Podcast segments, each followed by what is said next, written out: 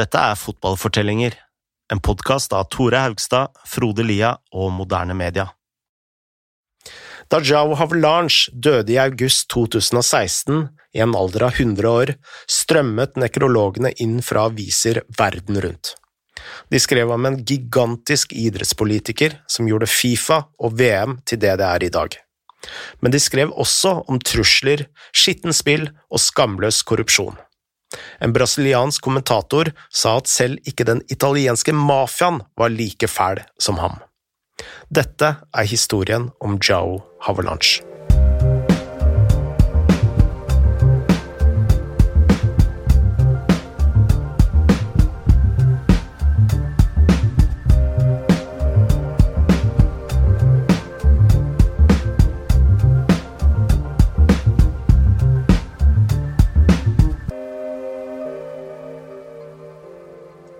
Jean-Marie Faustin Godfroy de Havalanche ble født 8. mai 1916 i Rio de Janeiro. Han vokste opp i en familie som tilhørte overklassen. Foreldrene var fra Belgia og snakket fransk hjemme. Og da Jao ble eldre, sendte de ham på kostskole til Frankrike. Mm. Senere studerte Havelange juss ved Fluminenses føderale universitet, som var et av Brasils mest prestisjetunge på den tida. Men Joao var ikke en nerd som bare var happy på skolebenken. Han var også interessert i sport. Ja, for han spilte blant annet juniorfotball i Fluminense. Og Fluminense er vel det som ble ansett som overklassens lag i Rio de Janeiro. Mm. Men sporten Havelange virkelig ble forelsket i, det var faktisk svømming. Og han ble faktisk så god at han kvalifiserte seg til OL i Berlin i 1936. Dette var for øvrig OL hvor Norge slo Tyskland i fotball foran nesa på Adolf Hitler, noe du kan høre om i sesong fem. Men for sin del deltok Havelange i 400 meter og 1500 meter fristil. Dessverre for han så kom han klart sist i begge to, og det skulle bli en av de få gangene hvor Havelange ikke fikk det helt som han ville. Flere år senere skiftet Havelange sport til vannpolo. I 1951 var han med på landslaget som tok sølv i de panamerikanske lekene i Buenos Aires. Året etter var han med på landslaget som dro til OL i Helsinki. Og Sjekker man Wikipedia fra dette OL-et, så ser man at Brasil og Havelange kom på en såkalt delt 13.-plass. Og uh, Da jeg leste dette, så, så syntes jeg at dette høres greit ut. Altså, kanskje var det 30 land som var med, eller noe sånt. Uh, men uh, går du inn på resultatene, da, så ser du at Brasil havna sist i en gruppe på fire nasjoner, med tre tap på tre kamper. Så det var Han hadde ikke noe særlig god suksess i disse mesterskapene, OL-ene Havelange. Heldigvis for Havalanche hadde han utviklet andre ferdigheter enn det å holde seg flytende i et basseng. I Brasil hadde han etablert seg som en lur og kanskje litt slu forretningsmann. Han var et geni til å skaffe seg venner i viktige posisjoner, og han hadde nå et nettverk av kontakter innen sport, finans, politikk og industri. Og Med disse kontaktene så grunnla han Visao Cometa, som var det første virkelig store private busselskapet i Brasil. Det var ikke tilfeldig at han grunnla dette akkurat på den tida. Dette var i en periode hvor Brasil nettopp hadde bygga ut mange veier mellom de store byene, som var perfekt for busser, og Havelange ble fort veldig rik. Men forretningslivet det så ikke ut til å være nok for Havelange, for han dukka stadig opp i flere politiske roller. En av disse posisjonene tok han i 1956, da han var leder for den brasilianske delegasjonen i OL i Melbourne. Vi kan vel kalle ham for en slags ambassadør eller uh, OL-leder. Mm. Og for en forretningsmann med bakgrunn i sport, med en drøss av kontakter, var jo dette egentlig helt perfekt. Absolutt, og det ga jo mening at Haveland skulle fortsette på, på, det sporet, kan du si. Innen dette var han faktisk allerede blitt medlem av Brasils olympiske komité, og i 1963 kom han seg inn på Den internasjonale olympiske komité, altså IOC, som bestemmer over de olympiske leker. Så altså, Allerede her så var Havelange blitt en, en, en viktig del av internasjonal idrettspolitikk. Men rollen som skulle gi Havelanche enda mer makt, fikk han i 1958. Det året ble han president for det brasilianske sportsfederasjonen. Altså Denne federasjonen kjenner, kjenner, vi i dag som CBF, altså det brasilianske fotballforbundet. Men eh, på den tiden så hadde federasjonen makt over flere idretter enn kun fotball. Ja, så han var jo kanskje den viktigste, og iallfall blant de viktigste politikerne da innen brasiliansk sport. Og eh, bare for å understreke hvor flink Havelands var til å skaffe seg venner og tjenester og, og stemmer, så kan vi jo ta med valget her. Uh, Havelange fikk 185 stemmer, motstanderen fikk 19. I tillegg var jo timingen perfekt.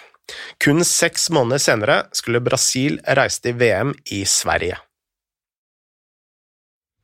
Det høres kanskje rart ut nå, men i 1958 var det ingen som anså Brasil som eh, fotballens hjemland.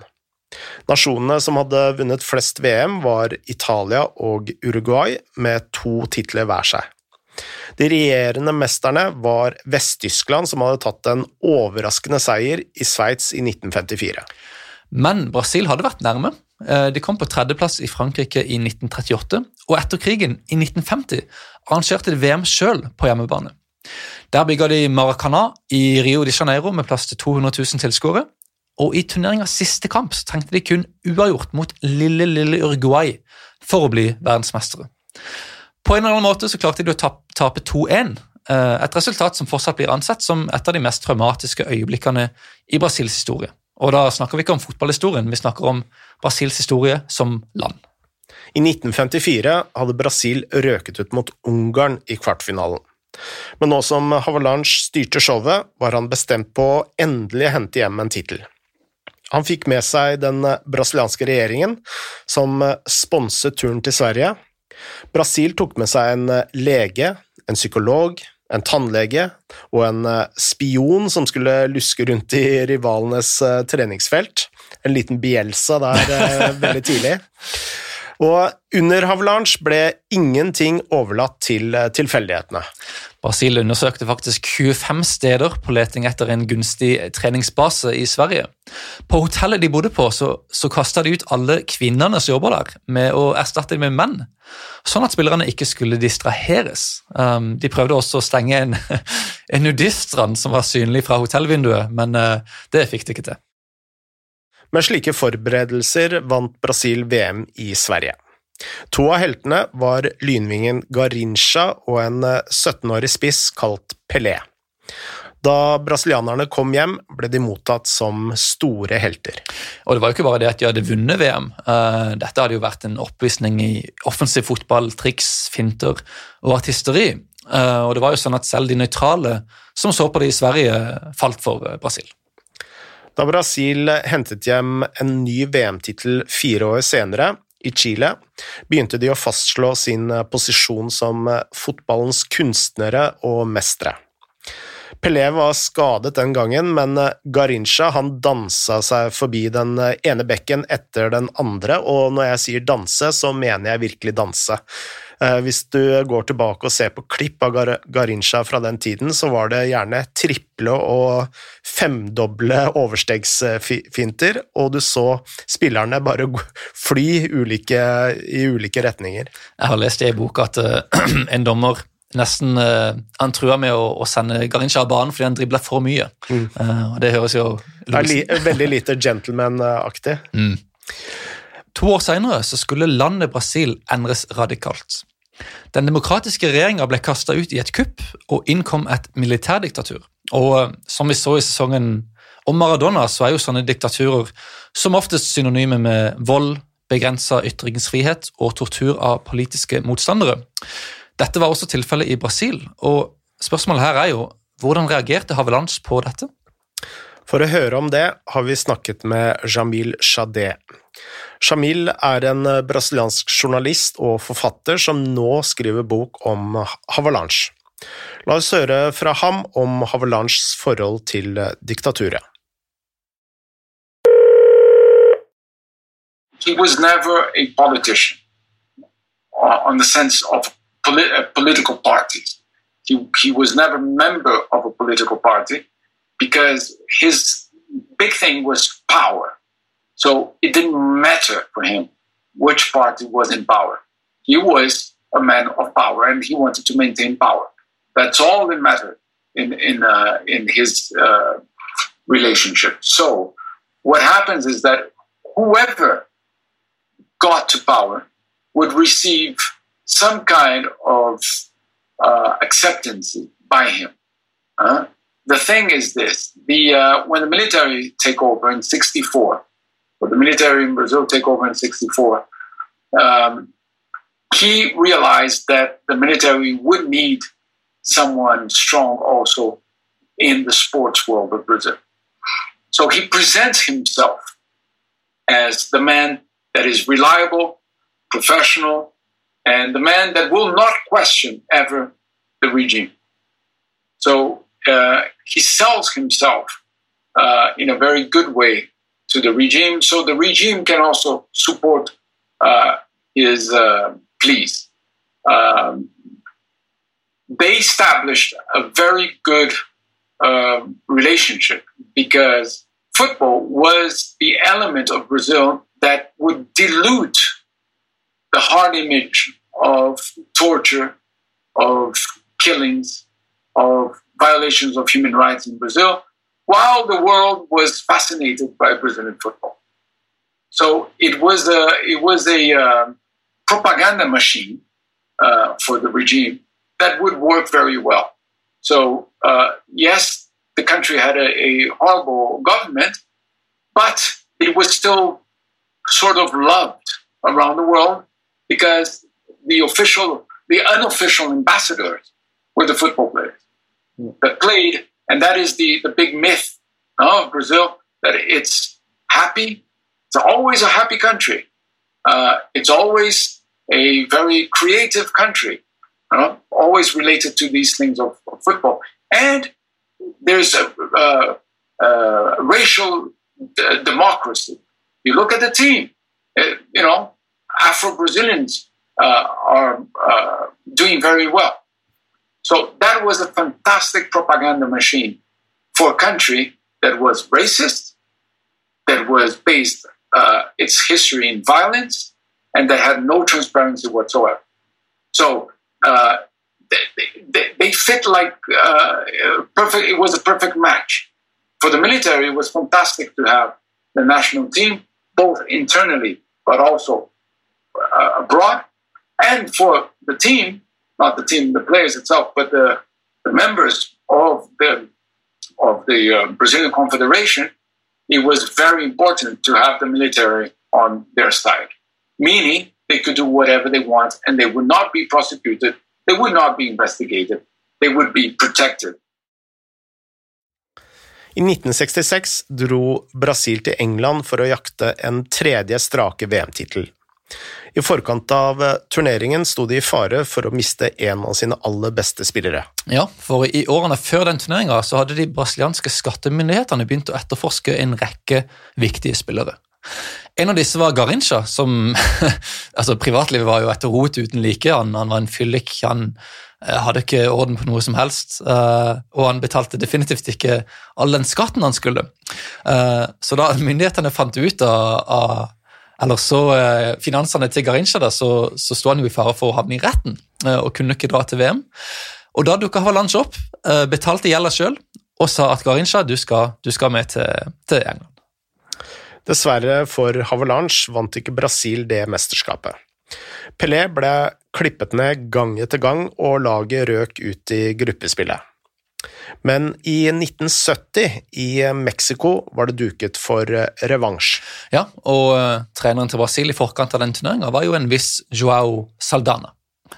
For en fantastisk mann. uh, Saldana Jeg kjenner meg jo veldig igjen i Saldana, for han var jo journalist. Og hadde jo en liten birolle som, som fotballtrener. Han var to år sjef eller trener for eh, Botafogo. Eh, og senere, ti år senere, så ble han jo trener for, eh, for landslaget. Men han var kanskje aller mest kjent for å være medlem av det brasilianske kommunistpartiet. Og det passet ikke de brasilianske generalene særlig godt. Like før VM gjorde ikke Salana det noe lettere for seg selv med hensyn til eh, regimet. Eh, først krangla han med Pelé, som var uh, Altså, du, du, du, du tulla ikke med Pelé på den tida. Uh, så nekta han å ta med spillerne som var favoritter hos Emilio Garastasso Medici, altså presidenten i militærdiktaturet. Uh, han ba jo egentlig om trøbbel her, uh, den godeste Saldana. og ja, han fikk sparken av Havelange, og dette ga jo Havelange enda mer kreditt hos regimet. Saldana ble jo kalt inn på teppet til Medici som ville diskutere litt uh, posisjoner uh, på det brasilianske landslaget. Og da skal visstnok Saldana ha sagt tilbake til Medici at jeg har et par statsrådposter jeg vil gjerne diskutere med deg også, herr president. Uansett, etter at Saldana fikk sparken, ble Mario Zagallo ansatt som landslagstrener. Og Zagallo han eh, hadde jo spilt for eh, Brasil tidligere. Laget dro på treningsleir tre måneder etter at Zagallo ble ansatt, og da de dukket opp i Mexico, var de bedre trent enn noen andre lag. Og eh, med storspillere som Pelé, Dario, Tastao, Revellini og Falcao var Brasil fullstendig ustoppelig. De skåret 19 eh, mål på seks kamper, og kronen på verket var eh, finalen mot Italia, som eh, Brasil vant 4-1. Den dag i dag anses Brasils 1970-lag som et av de beste lagene noensinne, om, om ikke det beste. Oppvisninga ble jo i tillegg sendt på farge-TV verden rundt, så folk over hele kloden fikk med seg disse artistene. Og tilbake i Brasil satt jo diktaturets generaler med store smil rundt munnen. When Brazil wins 1970's World Cup, that was the uh, best moment ever. Know, in Brazil, 1970, 1971, and 1972 were the worst years of torture. That was the worst, uh, the, the peak of the repression. And outside, it was the yellow shirts showing how brilliant uh, the country was. VM i 1970 skulle bli Havelanges siste store triumf som sjef for Fotballforbundet. Med hjelp fra diktaturet siktet han seg snart inn mot en langt viktigere rolle. I 1974 skulle det være presidentvalg i Fifa. Havelange startet en valgkamp som skulle endre fotballen for alltid.